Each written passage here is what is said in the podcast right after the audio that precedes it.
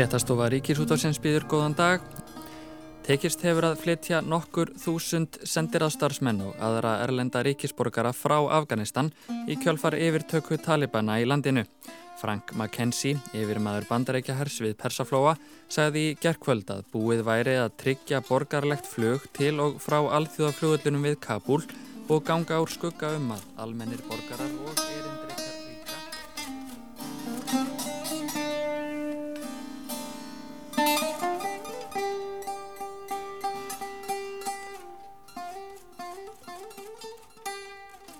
Frettir af sókn Talibana í sumar fylgtu alla sem þekkja til Afganistan áhugjum og óta.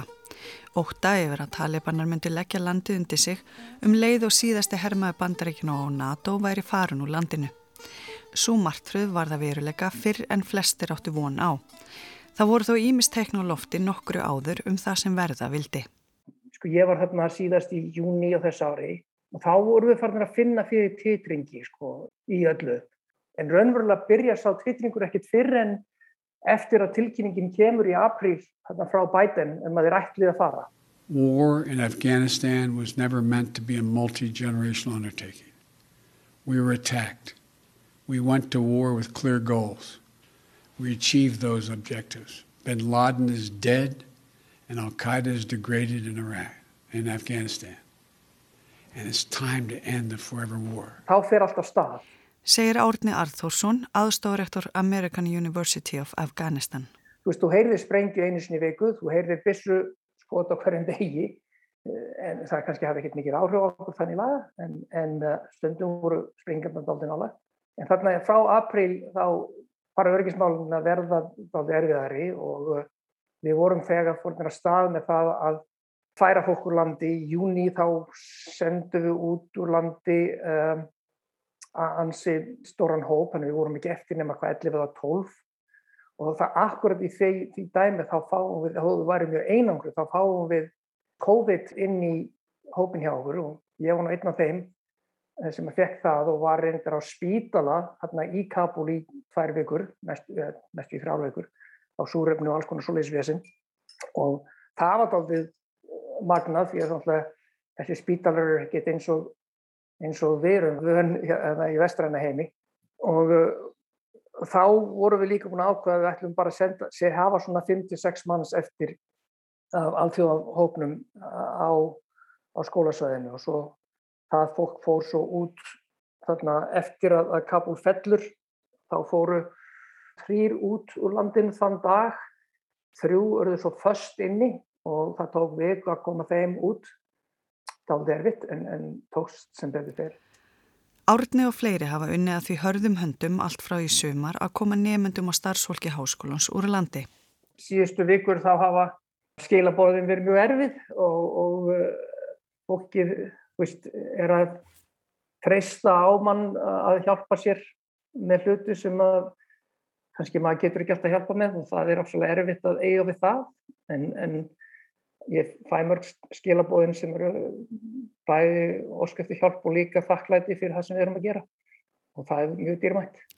Það var átakanlegt að sjá fréttamindir frá Afganistan, sjá fólk standa í skolpi, hlaupa á eftir herflugvel og reyna í örvæntingu að komast burt með öllum leiðum. Fjölmörg mannuðar samtök og einstaklingar réru að því öllum árum að koma fólki úr landi en neyðin var á mikil, flugin og fá og ekki komist allir burt sem vildu. Hræðsla og neyð fólks var mikil en það var líka dóði og sorg. Sorgi við því að missa það sem þeim var kærast og sjá landsitt falla í hendur ógnastjórnar. Þetta er bara eins og hverjanu sorg, hvað þetta varðar. Frá tíu, ekki að þryggja og gömur kona og, og búin að vera að vinna og gera flotta hluti í tíu ár, svo allt í nú gerist þetta. Það er bara reynilega ekki hægt að ímynda sér það en svo líka verra hjá okkar starffólki er það að við vitum það, það er alveg möguleiki á því að, að þetta, það séu skotmörk á þeim. Það er og okkar starfsfólk allt ekki bara, þannig að fólk getur kallmenni líka, getur orðið fyrir því að það verði komið heim til þeirra og þau verði tekinn og, og hérna, og þá náttúrulega er, er, er, þá eru að tala um meiri hræðslu og, og verða að hugsa um börnin sín og, og lífið almennt. Ég meina, er ég að býða eftir að einhverju komi og, og, og skjóti niður dyrnar hjá mér og taki mig út og, og ég fangelsuðu eða drep hinn og börni mín munu aldrei sjá mig aftur. Þetta er líka hlutur sem að, eh, sem að þetta hvern fólk er að, er að velta fyrir sér og hugsa og þegar að hlæslan er tökum á þér þá er þetta náttúrulega gífulega erfitt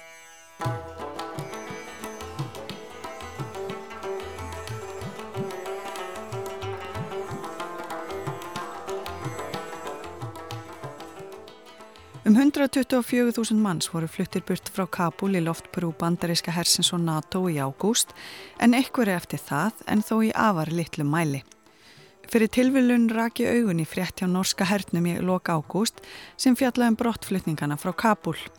Sá sem stjórnaði mótöku flóta fólk sitt í Blísi í Georgiu reyndist vera kunningi minn og fyrir um kollegi. Lars Kristján Sandvik, major í norska hernum og yfirmaður aðgerða, fekk símtala kvöldi 18. ágúst um að hann ætti að leiða nýtt verkefni. Átjón klukkustundum síðar var hann komin um borði í flugvill á leiði til Tbilisi í Georgiu á samt 50 öðrum hermönnum og borgarlegum sérfræðingum norska hersins. Þeim var falið að setja upp mótökustöð fyrir fólk sem var vera að flytja frá Kabul og hlúa þeim áður en þau færu áfram á næsta áfangastað. Þetta var óvinnilegt verkefni og Lars og hans fólk vissi lítið hvað beð þeirra task that we're trained on doing. Um, but I saw that the disciplines and the values that's in our army was very helpful. Við erum ekki þjálfuð fyrir svona verkefni en ég sá það hvernig ægin og gild okkar í hernum skipti máli því fólk vildi hjálpa. Í mínu teimi var yngsti hermaðurinn 19 ára gamal og hann var með þryggjaveikna þjálfun og svo elsti var 63 ára gamal og ekki með neina hernaðarlega þjálfun. Svo var mikil breytt í teiminu. Við vorum þó öll samála um að leysa þetta verkefni og veita flótafólkinu örugt skjól. Venjulega förum við yfir búnaðin fyrir brottför við teljum handsprengjur okkar og þar fram eftir gödunum en í þetta skipti tókum við saman byrðir, kiptum bleiur, mjölk og banana og tókum með okkur alls konar búnað og vistir sem við tökum venjulega ekki með okkur áður en við förum í aðgerðir. Norski hópurinn var samsettur af hermönnum, herrlöruglu og fólki með heilbreyðismöndun, konum og körlum. Lars Kristján stjórnaði aðgerðum í Tbilisi í nánu samstarfi við georgiska herin sem setti upp alla aðstöðu fyrir norðmennina og aðgerðir þeirra. In uh, Tbilisi uh, we had a, as a go to establish uh, military position and the organization so that the evacuees that came could be come into a safe haven. Þegar við komum til Tbilisi þá höfðum við það markmið að setja upp örugt skjól með hernaðanlegri nákvæmni og skipulagi fyrir flótafólkið. Það er ekki spurning að það var mikil óreiða í Kabul en við vildum koma upp stað fyrir þau sem væri laus við svona óreiðu og myndi veita þeim öryggi, huggun og aðstóð. Það var auðvelt fyrir okkur því allir voru mjög einbyttir í því að gera þetta rétt því fólkið sem var flutt burt var mjög þreytt eftir flugið frá Kabul til Tbilisi þegar þau komið til okkar. Alls tóku normin á móti um 1100 afgönskum flóttamönnum og norskum ríkisborgurum sem fluttir voru með herrflugvel frá Kabul til Tbilisi. Þaðan fór fólki í almennt farþegarflug heimaleið en norski herin aðstóði einni ríkisborgara Svíþjóðar, Finnlands og Hollands frá Kabul. Uh, when they arrived at us, we tried to coordinate the log flights from Norway to a small time frame as possible. so that the stay in uh, Tbilisi were cut down as short as possible. Við reyndum að skipilegja þetta þannig að þau þyrta að stoppa sem stist hjá okkur. Nokkrir enduðu með því að dvelja hjá okkur í fleiri tíma og þá skiptið að máli að bjóða fólkinu mat, læknisaðstóð og stað þar sem þau getur fengið sér blund eða kvílt sig. Þannig voru margar batnafjölskyldur og þau voru þreytt svo við pössuðum börnin á meðan sumir fóreldrarna kvíldu sig. Við reyndum að gera þetta eins þægilegt fyrir þau og hægt var. Þegar sjálfsmórsprengju árasin var gerð á flugvellinum í Kabul stöðuðist fólksflutningar frá borginni að mestu og þar með lög aðgerum norska hersins í Afganistan og Tbilisi. Really good feedback from the evacuees and it's a different kind of mission uh, especially in regards there were lots and lots of Við fengum mjög góða um, endurgjöf frá uh, flótafólkinu. Þetta var öðrísi aðgerð en við erum vön, sérstaklega þar sem það var svo mikið af börnum og norskir hermenn er ekki þjálfaðir sérstaklega í umsjón barna. En hver og einn er bróðir einhvers eða sonur og okkar fólk nálgæðist þetta verkefni mjög fagmannlega og það var ánægilegt að sjá það. Tögþúsundir afgana eru enn á herstöðum og í umsjón yfirvalda í Bandaríkjunum, Evrópu og í Katar. Þeir býða þess að fá úrlausn sinna mála. Í allir í óreðinni sem skapaðist var eftirliti og skipulagi ábútafand og fjölmarkir voru fluttir burt sem hafði enga tengingu við Bandaríkin eða NATO. Fjölskyldur sundruðust í óreðinu og börn urði viðskila við foreldra sína. Mirza Ali og Surya Amati voru först í tróðningi fyrir utan flúvöldin í Kabul og reyndu að komast burt með börnin sín fimm en Mirza hafði unnið sem öryggisvörður í bandaríska sendiráðinu. Tróðningurum var mikill og þau réttu tvekkjamána gamlan són sinn svo hæl til bandarísks Hermanns sem bauðst til þess að koma honum í örugt skjól á flúvöldinum. Þegar þau komist loks þangað fundu þau ekki són sinn og þau þurftu að yfirgefa Afganistan án hans. Þremur mánuðum síðar leita þau enn að barni sínu. Bandaríkja fórsiti segir að brottflutningur bandaríkja hers frá Afganistan hafi gengið afar vel. Valið hafi staðið millir þess að draga herliðu á brott eða auka á stríðs átökin í landinu. Ótal spurningar brunnu á fólki við fall Afganistan. Engin skildi hvernig Talibana náðu svo skjótt völdum Af hverju afganski herin veitti þeim ekki mótspyrnu og ekki hvað síst spurningin sem borgarar bandaríkjana og NATO þjóða spurðu sig eflist margir voru 20 ári í Afganistan til einskins. Aðgeri bandaríkjana og NATO gengu út á að þjálfa og byggja upp her og lauruglusveitir sem síðan átt að taka við og tryggja öryggis ástand í landinu við brott hvar bandaríkjana og NATO. En hvar voru allir þessir 300.000 hermenn? quite clearly now the whole thing was a failure because after 20 years of pumping in $2 trillion and losing so many lives, the Taliban have taken over again. So, you know, it was the most humiliating failure for NATO and Western troops in, in modern times, in my view. Það verðist augljóst núna að þetta mistókst allt saman. vegna þess að á síðastlinum 20 árum var 2 biljónum dollara dælt í landið og það var mikið mannfall og nú eru talibanar komnir aftur til valda. Þetta er misefnaðasta aðgerð NATO og bandaríkjana okkar tím að mínu mati. Segir Kristína Lamp, yfirmaður erlendra frétta hjá The Sunday Times, rítufundur og fréttaritri í Afganistan til fjölda ára. just so many different things that you can point out were done wrongly. And I think, you know, there was a lot of focus in those most the latter years um, of trying to build up the Afghan security forces. Um, at the end of the day, they just melted away. Það er mjög margt sem hægt er að benda á að mislökaðist. Það var mikil áherslu á það þinn síðari ár að reyna að byggja upp afganskar öryggisveitir. En þegar að holmið var komið þá læstust þar bara upp. Það voru mistök, held ég, að reyna að byggja herin upp sem eftirlíkingu vestræðna hersveita. Ef eitthvað, þá þarf ekki að kenna afgönum að berjast. Þeir hafa sínt það í gegnum söguna. Það hefði ekki átt að vera erfitt að byggja upp góðar hersveitir afgana, en það var ekki verið að nýta styrk þeirra. Heldur var þeim kent að berjast eins og vestræðnar hersveitir og það augljóslega gekk ekki upp.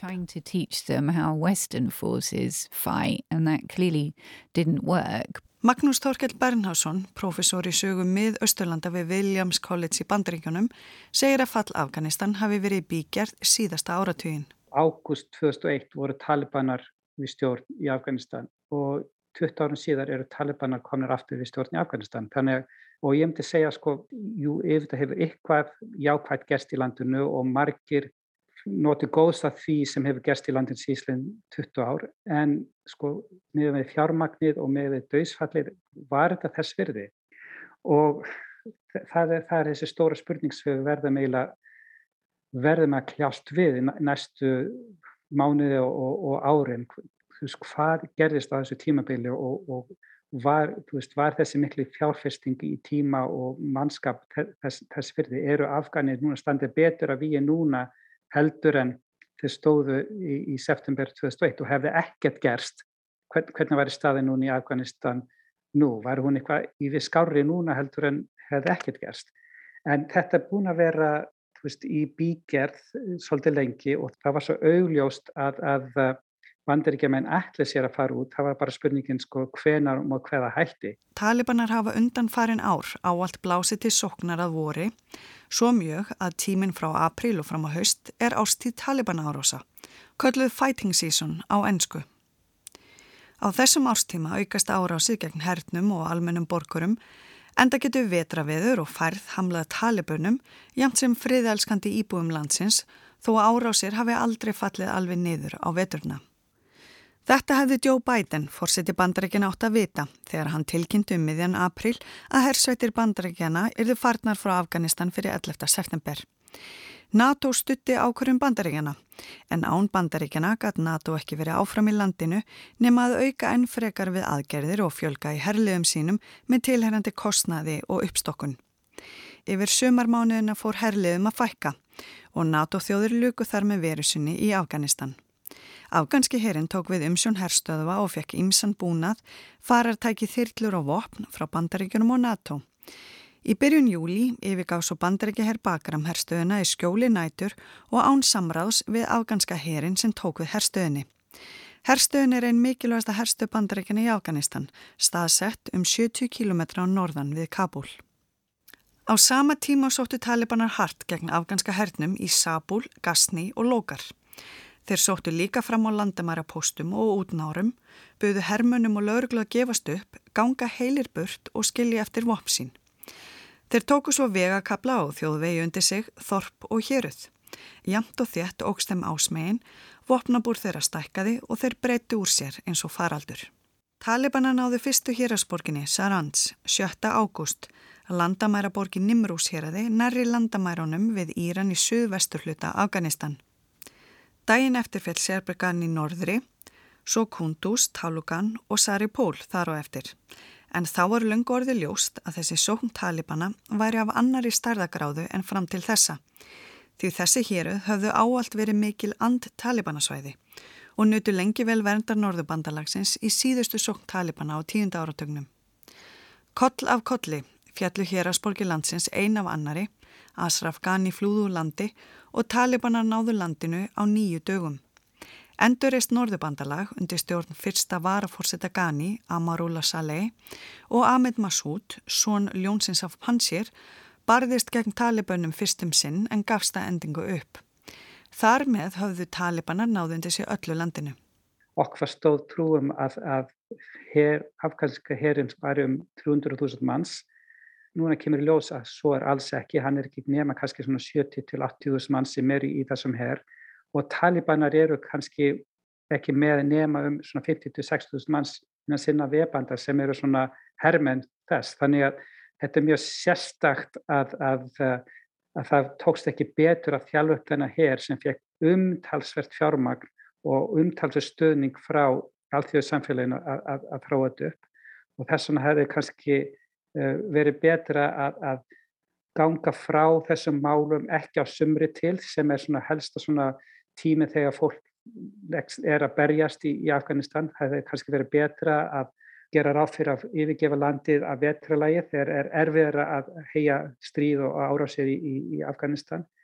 Þeir hefða kannski ekki hægt að loka bakra flustöðinni og þeir kannski hefur getað tekið þetta uh, til lengri tíma og ekki farið eins hrætt uh, út með, með, með þessum hætti.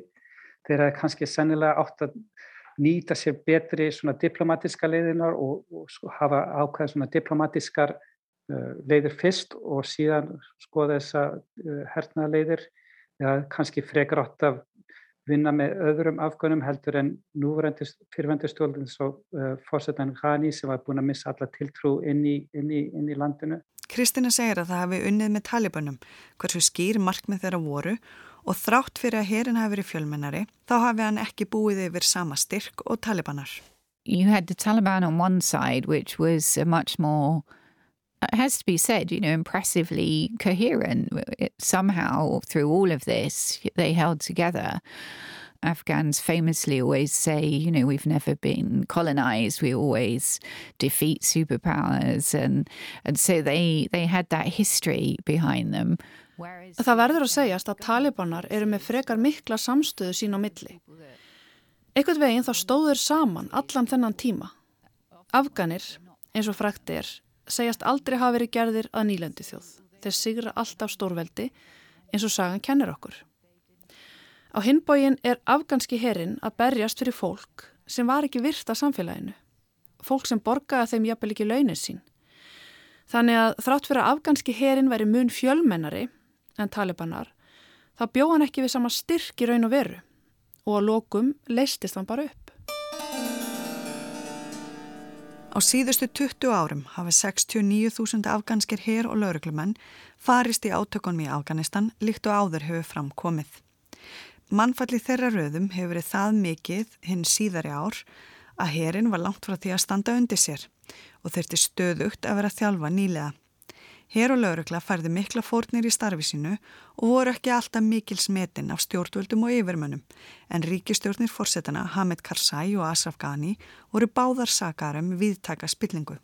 The single biggest thing at the end of the day was that they were fighting to uh, support a government in Kabul that was highly unpopular and that most people saw as the biggest problem in their life. So although you can criticize the military for many things, the biggest problem was political. You had a government there that that was very corrupt, that uh, was very unpopular, and you created an army that felt it was fighting for a government that didn't care about it. They had no morale. They often weren't paid. They're Þegar að öllu er á botnin kvólt, þá var stærsta vandamálið að þeir voru að berjast fyrir stjórnveldi Kabul sem voru mjög óvinnsæl og flestir álitur stjórnin að vera rót allra vandamála.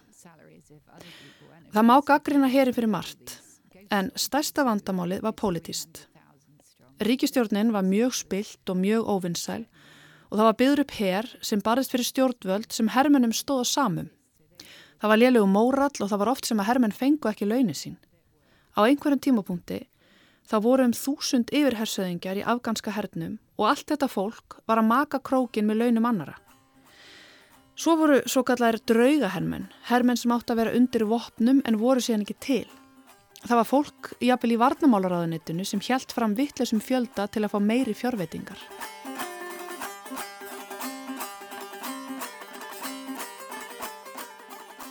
Afgunn stjórnveld hafa reykt sig á fjármunni frá alþjóðsamfélaginu að mestu leiti síðustu áratögi en þrýr fjórðu hlutar ofinbæra útgjaldar landsins kemur á erlendum sjóðum og þara fyrir mikill meiri hluti í innaríkis og varnarmál. Bandaríkin hafa lagt út allir á þjóða mestileg hernaraðgerða og uppbyggingar í Afganistan en tali er á útgjöld þeirra nefnum um 2,3 biljónum bandaríkjadala líkt og áður hefur framkomið. Stór hluti þess fjár fær þó aftur inn í bandaríska hagkerfið vegna samninga bandaríska hersins við verktakafyrirtæki, samtökustofnanir sem herin skiptir við og komaði hernaraðgerðum og uppbyggingu í Afganistan. Þessu fjö var misjaflega vel varið. Sígar, sérstök bandaríska eftirlitstofnun um uppbyggingu í Afganistan, var sett á laginnar 2009 til að hafa eftirlit með kostnaði vegna uppbyggingar í landinu. Í skýslu síkar frá oktober á síðast ári kemur fram að bandarinska þingið hafi samþýttu útgjöld fyrir næri 134 miljardar bandaríkjadala til uppbyggingar í Afganistan frá árunni 2002 til loka árs 2019 og svo tala hefur hækkað enn frekar síðan þá. Stopnuninn hefur yfirfarið og endur skoðað hlutaverkefna og eftirlit þeirra leiti ljós að alltaf 19 miljardar bandaríkjadala hefðu glatast okna sóunar, svika eða misnótkunar fjársins á þessu sama tímabili. Kapp var lagt á að fjölga konum í afganska hernum og lauruglunni en til að það getur orðið einhverju marki þá var farið að bæta aðstöðu fyrir konur svo sem með uppbyggingu kvennavist á herstöðum byggja upp líkansanræktar aðstöðu fyrir þær og jafnvel barnagæslu svo að þær getur komið með börn sín í vinnuna. Bandaríska varnamálraðanætið farði rauk fyrir því að bætt aðstæði fyrir konur væri eitt frumskilir að þess að fjölga konum í her og lauruglu. Frá júli 2015 til loka ást 2017 voru 29 verkefni kostu til að byggja upp aðstöðu fyrir konur í hér og lauruglu fyrir samtals 44,6 miljónir bandaríkjadala eða um 5,8 miljardar íslenskara króna. Síkar fóri við þessu uppbyggingarverkefni og gerði margvíslega aðtóðsendir í skýrslu sem byrt var í oktober á síðast ári. Stopnunin gerði nákoma úttakt á 17 þessara byggingaverkefna með heimsókn á staðin. Af verkefnunum 17 voru byggingar í þremur þeirra nýttar að fullu og eins og gert var að fyrir. Byggingar í sex verkefnum voru ekkert nýttar, fimm voru að mestu ónýttar og byggingar í þremur verkefnuna voru ekki nýttar með ráðgerðum hætti. Það er að segja nýttar af karlmönnum en ekki konum. Kostnar við þessi uppbyggingaverkefni er misjafn. Líkamsrækt skrifstofur, mötunetti, kennslustofur, gistirými, tölvuherbyggi og þóttahús var meðal annars byggt upp fyrir konur við lauruglaskólinni Kabul fyrir um 830 miljónu íslenskra króna. Þetta hefur aldrei verið nýtt en ekki var enn búið að tengja byggingar við rammagn og frárensli skólans og húsgögn sem byggði varum skiliði sér aldrei. Í Jalalabad í austra Afganistan voru byggða nýju byggingar, kennslustofur heimavistir mötunetti barnagesla og helsugesla fyrir konur í lauruglunni fyrir 870 miljónu íslenskar króna. Konur eins og var aldrei nýtt þessar vistaverur eða fengið þjálfun þar vegna mikillar andstöðu samfélagsins gegn því að konur sé í lauruglustorum eins og bentir á í skýslu Sigar.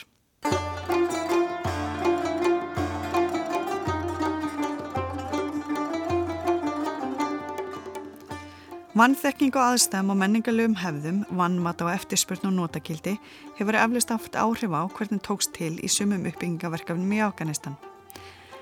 Erna Höldi Íbrahimsdóttir, þýðandi og tólkur, segir Afgans samfélag ekki hafa verið tilbúið fyrir margar þar breytingar sem alþjóðsamfélagi reynda innleða í Afganistan. Reglur og breytingar koma að ofan í stað þess að samfélagi myndi innlega breytingarnar innanfrá. Afganar báru virðingu fyrir gæstum sínum en vildi líka fá virðingu á móti.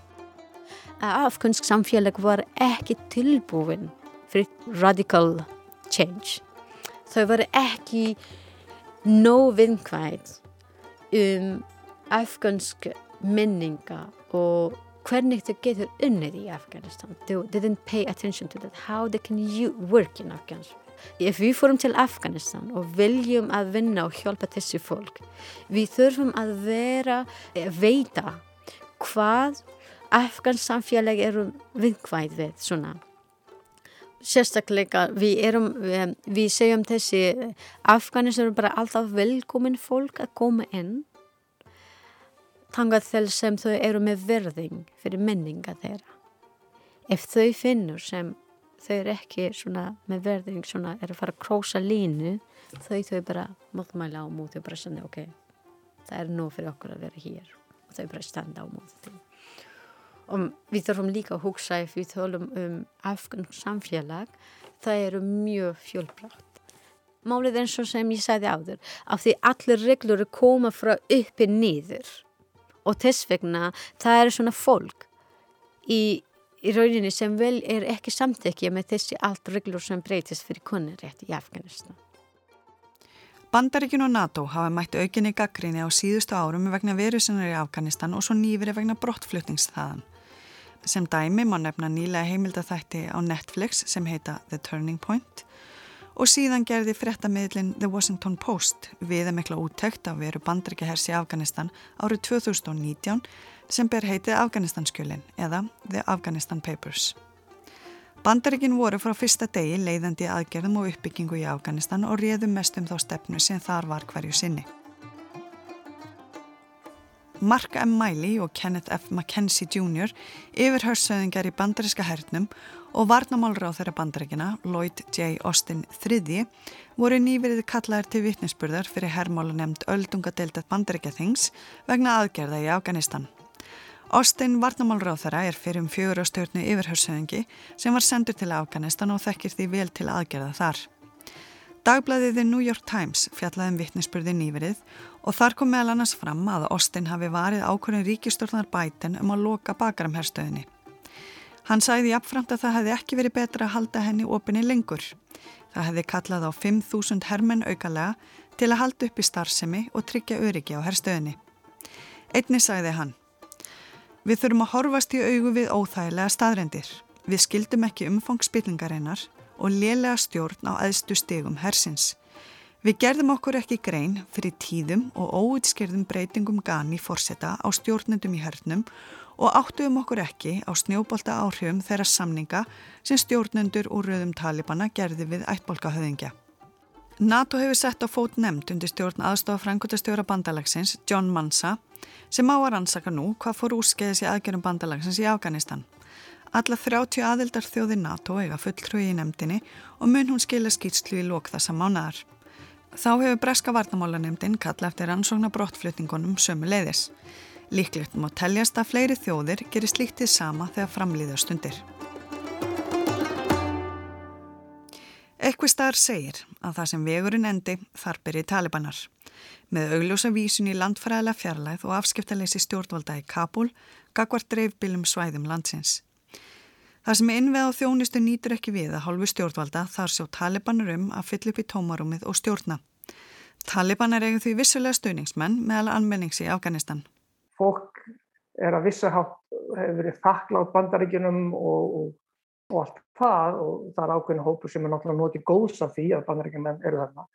Þannig að það er alltaf, það er búið að vera smám saman svona meiri reyði gagvart bandaríkjunum og, og og öllu því sem bandarist er og náttúrulega eins og bara hjá okkur núna þó að, þó að maður sé búin að vinna hérna, dag og nóttu hérna, í nokkra vikur og núna er maður að vinna svona elluðu dagarni núna, núna þessi sem tvær vikur hafa verið svona 12-16 klukkustundir þannig aðeins betra heldur en það var í, í ágúst.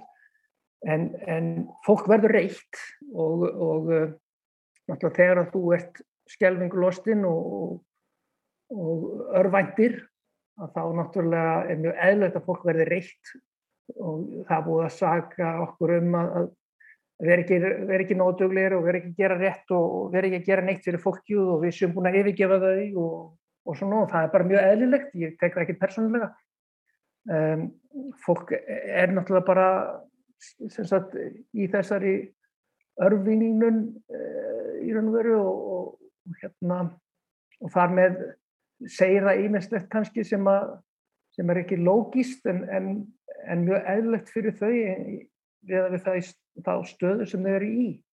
Þannig að, að margir eru reyðir en svo eru sömur bara svona búin að ég, ég hef heyrt í sömum mínu starfsfólki til dæmis að það, það er að byrja núna að sætta sig við aðstæðnar með talibanna og, og fara að hugsa aðeins öruvísi að aðtuga býtu hvernig hvernig getum við unnið með þessu en, en það er meira með að kallmanna sem að það er að gerast ég er náttúrulega gafar þeim að þá er þetta ekki alveg erfitt eins og það er náttúrulega gafar konunum Talibanar standa frammi fyrir stórum verkefnum en fáir í þeirra röðum búa yfir þekkingu til að leysa þau.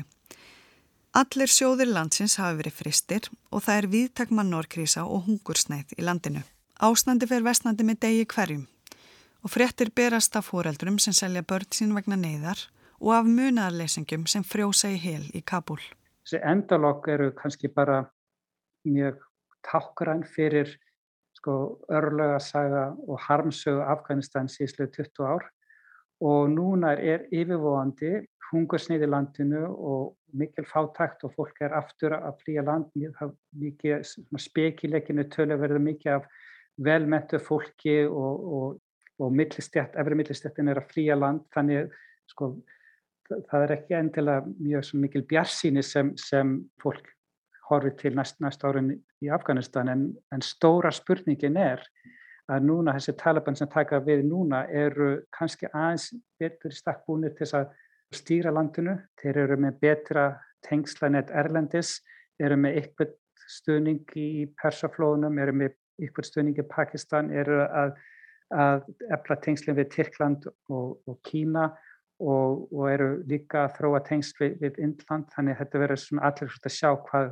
hvaða skref þeir taka við Afganistan næst en það sem er svo augljóst að þeir sem tapa á þessu eru þessu minnihlutahópar í landinu og sérstaklega konur sem hafa fengið mjög fleiri tækifæri í landinu síðslega 20 ár heldur en það var nokkuð tíma gert í, í sögu þessara þjóðar. Það er mjög stór hérna verkefni fyrir talibanar. Það er svona tvö stór vandamál sem þau eru komið fyrir fram með sem þarf að vinna með og það er svona mikilvægt hvernig þau getur gert það. Först og fremst er svona um, uh, financial crisis, annað er þessi ISIS í Afganistan. Þessi tvö eru mjög stór hérna verkefni fyrir þeim. Það er ekki svona mjög bjart framtíð fyrir okkar, við veitum erfitt að segja fyrir mig. Og sérstaklega stótt á, áhyggjur sem ég á er líka ISIS í dag sem þau getur bara að taka svona rekrút meira fólk af því það eru mörg fólk sem eru mjög fátætt og það á ekki neitt að, svona, að lifa af. Og þess vegna ef ISIS er velja að borga þeim þau eru bara ekki neitt chans að bara fara og vinna með þeim og það er svona meira hættulegt fyrir minnihlut í Afganistan Minst 14 létust, þar af tvö unga börn í árás á sjúkrahús í Kabul í Afganistan sem meðal annars hýsir fæðingardild. Tugum hvenna og barna var bjargað. Við vörum við myndum sem fylgja þessari frétt. Uppgangur ISIS-K samtakana er veruleg ókn við afgansku þjóðina og fjölmarkar árási þeirra hafa sérstaklega beinskeng síamúslimum. Skemst er að minnast hróttalegrar árásar af fæðingadeild spítalans í Dastel Bartsi hverfinni í Kabul í fyrra þegar 24 konur, nýfætt börn og helbriðistarsmenn létust og tugir særðust. Engin líst yfir ábyrð á árásinni en margt bendir til að ISIS-K hafi verið þar að verki. ISIS-K er einnig talin bara ábyrð á sprengjárusin á flugvillinum í ágússíaslinum þegar 182 fórust og tugir særðust. Hriðiverkasamtekinn eru einnig talin hafa staði fyrir árás og grunnskóla í mæ á þessu ári þegar 90 drengir og stúlkur fórust í árásinni og yfir 100 særðust. Skólinn er í Dastel Bartsi hverfinu og meiri hluti nefnda við skólan er Hazara Shia muslimar. Þá báru samtökin ábyrða tveimur sjálfsmósprengju árásum í Moskum, í Kundus og Kandahar í oktober síðastleinum þar sem 140 letust og 20 slösuðust. Fólki var þar allt við förstudagsbænir. Talibanar hafa líka ósótt Hazara síamúslima síðastlein áratugi. Snemma ást 2001 reyðast sveiti Talibana í Jakalangþorp í Bamian héradi og myrtu um 300 óvopnaða menn, konur og börn í árásum sínum. Talibanar hafa einni þjarmað að Hazara múslimum í Hazarayat fjallendinu og víðar í landinu eftir að þeir komast til valda. Þeir krefjast greiðslu skatta og reyka fólk burta heimilum sínum þar.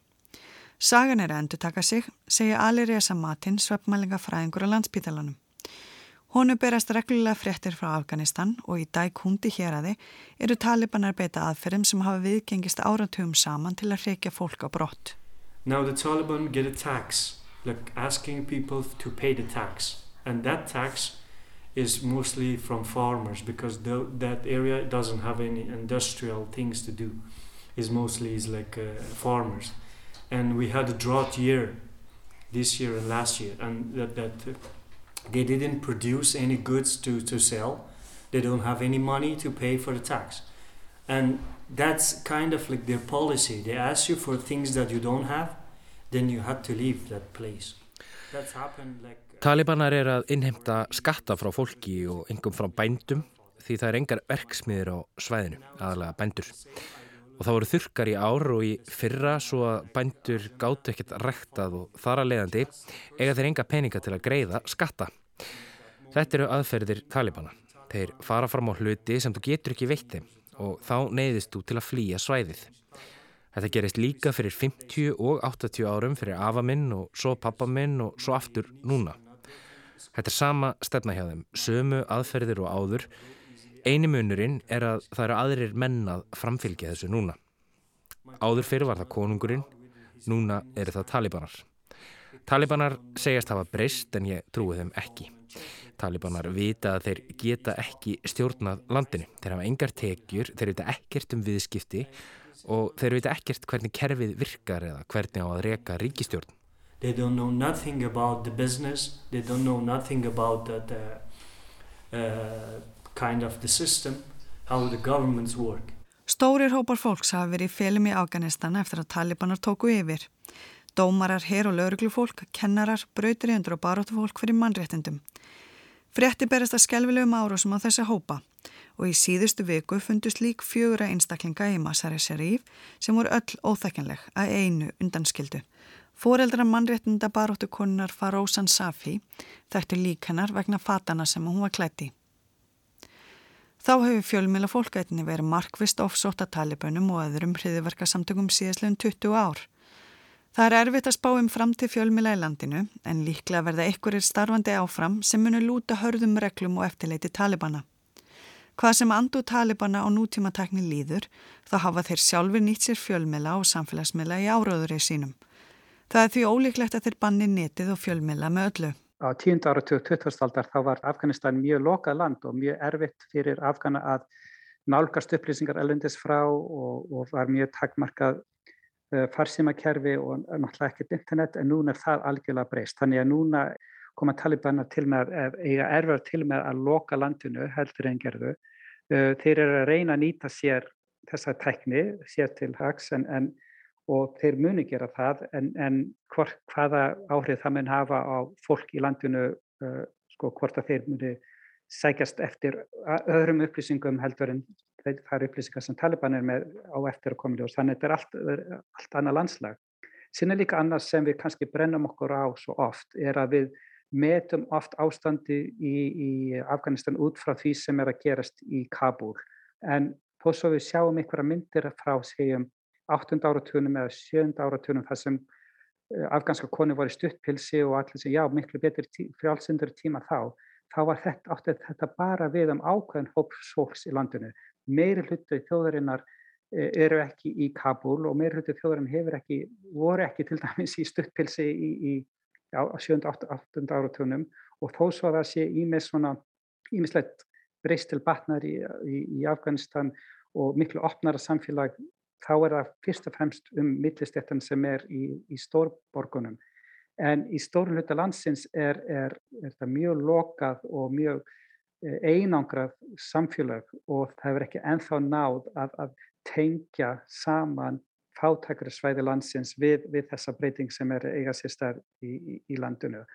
Og það er með þetta fólk sem ég hef mestar áhugjur af sem eftir að koma til með að ekki bara að upplefa hungur og, og fátækt heldur líka bara harstjórn og, og, og takmarkað uh, ferðarfrelsi eða bara alls konar frelsi sem, sem við kannski gefum okkur að sé til staðar í, í, til dæmis í stórborgunum í, í Afganistan. Kristína var í Kabul fyrir höst og sá með eigin augum hversu gjörbreytt samfélagið er. It's very depressing because you arrive there and it's I mean, it's sort of surreal because there's Taliban everywhere, right? There's Taliban riding up and down in American Humvees, Taliban out shopping, Taliban at the zoo, um, lots of the Taliban in Kabul. Það er mjög niðurdreipandi og surrealist. Talibanar er út um allt. Talibanar rúndunum í bandarískum herbílum, Talibanar í verslunum, Talibanar í dýragarðinum. Margir Talibanana í Kabul koma frá afskektum svæðum og eru því nokkuð stóreir því þeir hefa aldrei komið til höfuborgarinnar áður. Það eru mjög fá að konur á ferli og margir í félum eða reynað að komast í burtu. Árið 2001 þá leitt út fyrir að fall Talibana er það eins konar hamingjusamur endir. En samfélagi núna er mjög breytt frá því sem þá var. Þetta er mjög ung þjóð. 70% þjóðarinnar eru yngre en 30 ára. Svo stærstur hluti þjóðarinnar þekkir einungis tilveruna án Talibana. Og þau hafa vanist í að vera tengt um heiminum. Þetta er mjög breytt samfélag og það eru margir sem hafa lokið háskólanámi. Þannig að þetta rýmar ekki vel saman. Talibanar sem vilja færa þjóðina margar aldur aftur í tíman og svo þetta unga fólk sem horfið til framtíðar. Augljóslega spruttu talibanar ekki upp úr engu. Það eru fjöl margi sem að stiðja þá. Og því er ekki að neyta að landi er mikið friðsallega en það hefur verið fjölda ára og ég fann það vel. Allt í hennu gæti farið til ímessa svæða sem ég hafði ekki geta heimsótt árum saman. So, of course, the Taliban didn't come from nowhere. There are plenty of people that think they're a good thing. And the country is much more peaceful than it has been for many years. I mean, I found that going. Suddenly, I could travel into all sorts of places I haven't been able to go to for years. Tímin verður að leiði ljós hvort talibanar ná að halda einingu innan sinna raða. I think that there are clearly splits between the Taliban political leadership who were in Qatar in recent years negotiating peace accords. Ég held að sé augljóslega klopningur á milli aðstu stjórnenda Talibana sem hafa undan farin ár verið í Qatar í fríðaviðræðunum og svo herfóringjana sem að stjórna Talibanum á gödumúti. Herfóringjarnir vita hvað er vilja og ætla sér að ná sínu fram svo af hverju ættu þeir að lúta stjórn nokkura. Þeir byggja sína stefna á hugmyndafræðinni á meðan aðstu stjórnendur eru búinir að eiga miklum samskiptum við erlenda valdhafa svo þeir vita að þeir mun ekki fá það sem þeir vilja nema að gera hlutinu öðruvísi en síðast þegar þeir voru við stjórnmölinn. Og þeir vita líka að þeir var henni ekki efnaði að vera jafn einangraður og áður. Það er gjáðarna milli sem gæti reynst þeim áskorun, það er að segja slemt efnaðasástand og svo það sem er ólíkt með þeim innbyrðis. Það var alltaf reynst stríðandi fylkingum auðvelt að ná samstöðu til að berjast gegn erlendum óvinnaherum í Afganistan eins og gegn rúsum en um leið og, og rúsarnir voru farnir þá fóru þessar fylkingar að berjast innbyrðist og það geti gerst aftur núna. Against the Russians, but once the Russians had gone, they all started fighting each other and that could be the same thing this time. Enn hefur engin viðurkend stjórn Talibana og alþjóðsamfélagi leita nú leiða til að koma hjálpa gögnum og matvælum til Afganistan. Erna Huld segir mikilvægt að alþjóðsamfélagi gleym ekki Afganistan og það þurfa að pressa á að Talibana leifi mentun stúlkuna. Þau þarf að vera í samstarfið við Talibana að hjálpa öfkvæmst fólk og þau þarf að vera að pressa Talibana að vera með verðing með kvennarétt sem er mjög mikilvægt fyrir þeim að náðu svona fara í skólan og stór hluti af afgunns hérna konur eru ekki með mann og þau þarf að fara svona vinna. Og hérna það er svona mikilvægt að ekki uh, loka talibanar út vegna þau eru ekki svona um, þau eru ekki samtíki þessi fólk til dæmis núna aðstöð afgans eh, hérna, er mjög erfið vegna tengs með uh, hérna financial crisis og þess vegna þau þarf að hjálpa þau og næst eru mentun fyrir hérna stjálfurnar hvernig rétt eru mjög mikilvægt og þess vegna þau þarf að pressa talibanar að vera með það. Fjöldi afgana er á flótta eða um 2,6 miljónum manna utan Afganistan og 3,5 miljón afgana er á flótta innan heimalandsins. Það er viðbúið að sá fjöldi eftir að aukast enn frekar. Bæði Ali og Ernahöld óttast um aldra á fóreldrar sína, sískinni og sískina börn sem eru enn í Afganistan. Fólki leita nú leiða til að komast hann burt, annarkort til Íslands eða annara landa. Ali þekki það ein raun hvernig er að vera flótamaður. Hann kom til Íslands árið 2016 og var tvívegð sinnið um dvalarlefi á grundvelli dýplina reglugerðarinnar en fekka endingu dvalarlefi eftir að hafa ráðið sér sjálfur lögfræðing.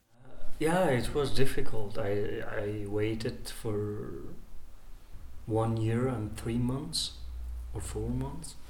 And I appealed two times because like first they give me without knowing me without just knowing my name. They, they didn't listen or they didn't talk to me about my situation just they deny my application due to Dublin regulation Já, það var erfitt. Ég beði næstum eitt ár og þrjá mánuð eftir dvalarlefi. Ég áfríði tvísvarsinnum vegna þess að mér fannst útlendingastofnun hafa sinjað umsókminni án þess að kynna sér málmitt. Þeir hlustuð ekki á mig og redd ekki við mig um stöðu mína. Stofnunin neytaði mér engungu á grundvelli diblinar reglugerðarinnar og vegna þess að ég hafi verið í svíþjóð áður. Það komur á óvart að þau þekktu ekki mikið til Afganistan þegar ég talaði við þau eða fólki sem tók viðtal við mig. Þau vissu ekki um mismunandi þjóðuritinshópa sem búa þar. Allavega, það var mín upplifun. Kanski hafi ég ránt fyrir mér eða hef ránt fyrir mér en mér finnst eins og þau hef ekki skilið ástæður þess að við erum hér. Af hverju við komum til Íslands eða annara landa í Evrópu og af hverju það er engum Hazara fólk sem er á flotta eða hætta lífi sínu til að koma hingað. Þau hlust ekki eða meðhendla þig eins og mannesku til að skilja af hverju þú ert hér. Það var sárt og á sama tíma hafi ég áhyggjur af framtíðminni og hvað myndi verða um mig. En ég þraukaði eitt ár og fjóra mánuði einhvern veginn og líf mitt breytist þegar ég fekk dvalarlefi. Somehow survived and when I got my residency my life changed. Hjúgrunafræðingurinn Marjana Sillag sem rætt var við í fyrsta og öðrum þætti þekkir að einn raun hvernig er alast upp sem barn flóttafólks. Fóreldra hennar voru í fyrsta hóp ungverskar flóttamanna sem komið til Íslands. Fóreldra mínur eru flóttafólk 1956. Ég elst upp sem sagt með fóreldra sem flóttafólk. Þá var ekki íslensku kjensla og um, mamma, pappi minn dónum mjög ungur þannig að ég bróðum minn og ég við erum alin upp af móður okkar. Mamma lærði ekkert íslensku almenlega fyrir en við sískinni fórum í leikskóla. Og þegar við byrjum í skóla að lesa gagn og gaman, þá bara settum við niður með okkur að fóra að lesa gagn og gaman. Hún vann á landákottu og sjúklingarnir voru mjög dugleira hjálpunni en almenlega íslensku lærði hún fyrst þegar við fórum í skóla. En hún ákvað, hún ætlar að vera hér og þá aðlæðast hún þjóðfælæðinu. Það er margir síður örfis í Ungverlandin og Íslandi og við höldum þeim en við erum samt aðlöguð eins og Íslandingar. Þannig að það er alveg hægt. Marjana segir Íslandingar þurfa að sína flótafólki skilning og virðingu. Við getum ekki alveg ættast til þess að bara fólki komið til Íslands á morgun er það bara að opna þú alla glukka og þú ferð uh, úr skónum og þú hendur ruslinni hérna. Við getum ekki ættast til þess. Getum ekki til þess. Þetta fólk þarf að meðtaka þess að það er komið fyrsta lagi. Það þarf að upplifa það að ég er komin í öryggi. Og það er ofbáslega skrítið að vera alltaf komin í öryggi. Við veitum það hérna fullt af fólki sem er útlendingar sem búa hérna eru skýðrætti við örugluna. Það er ástæða fyrir því.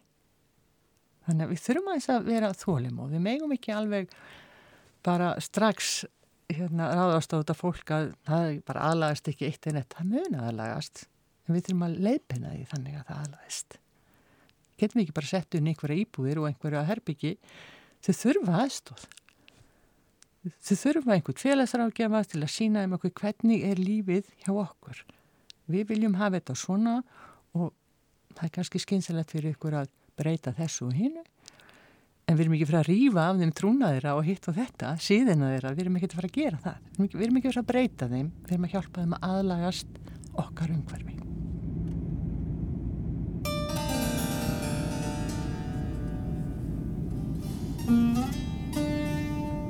Það er 24. janúar 2019 og ég er á leiðinni heim. Flugvelin tekur feignastóran ringu við Kabul og mér auðnasta enn eina ferðina að bera ægifagara náttúri landsins augum.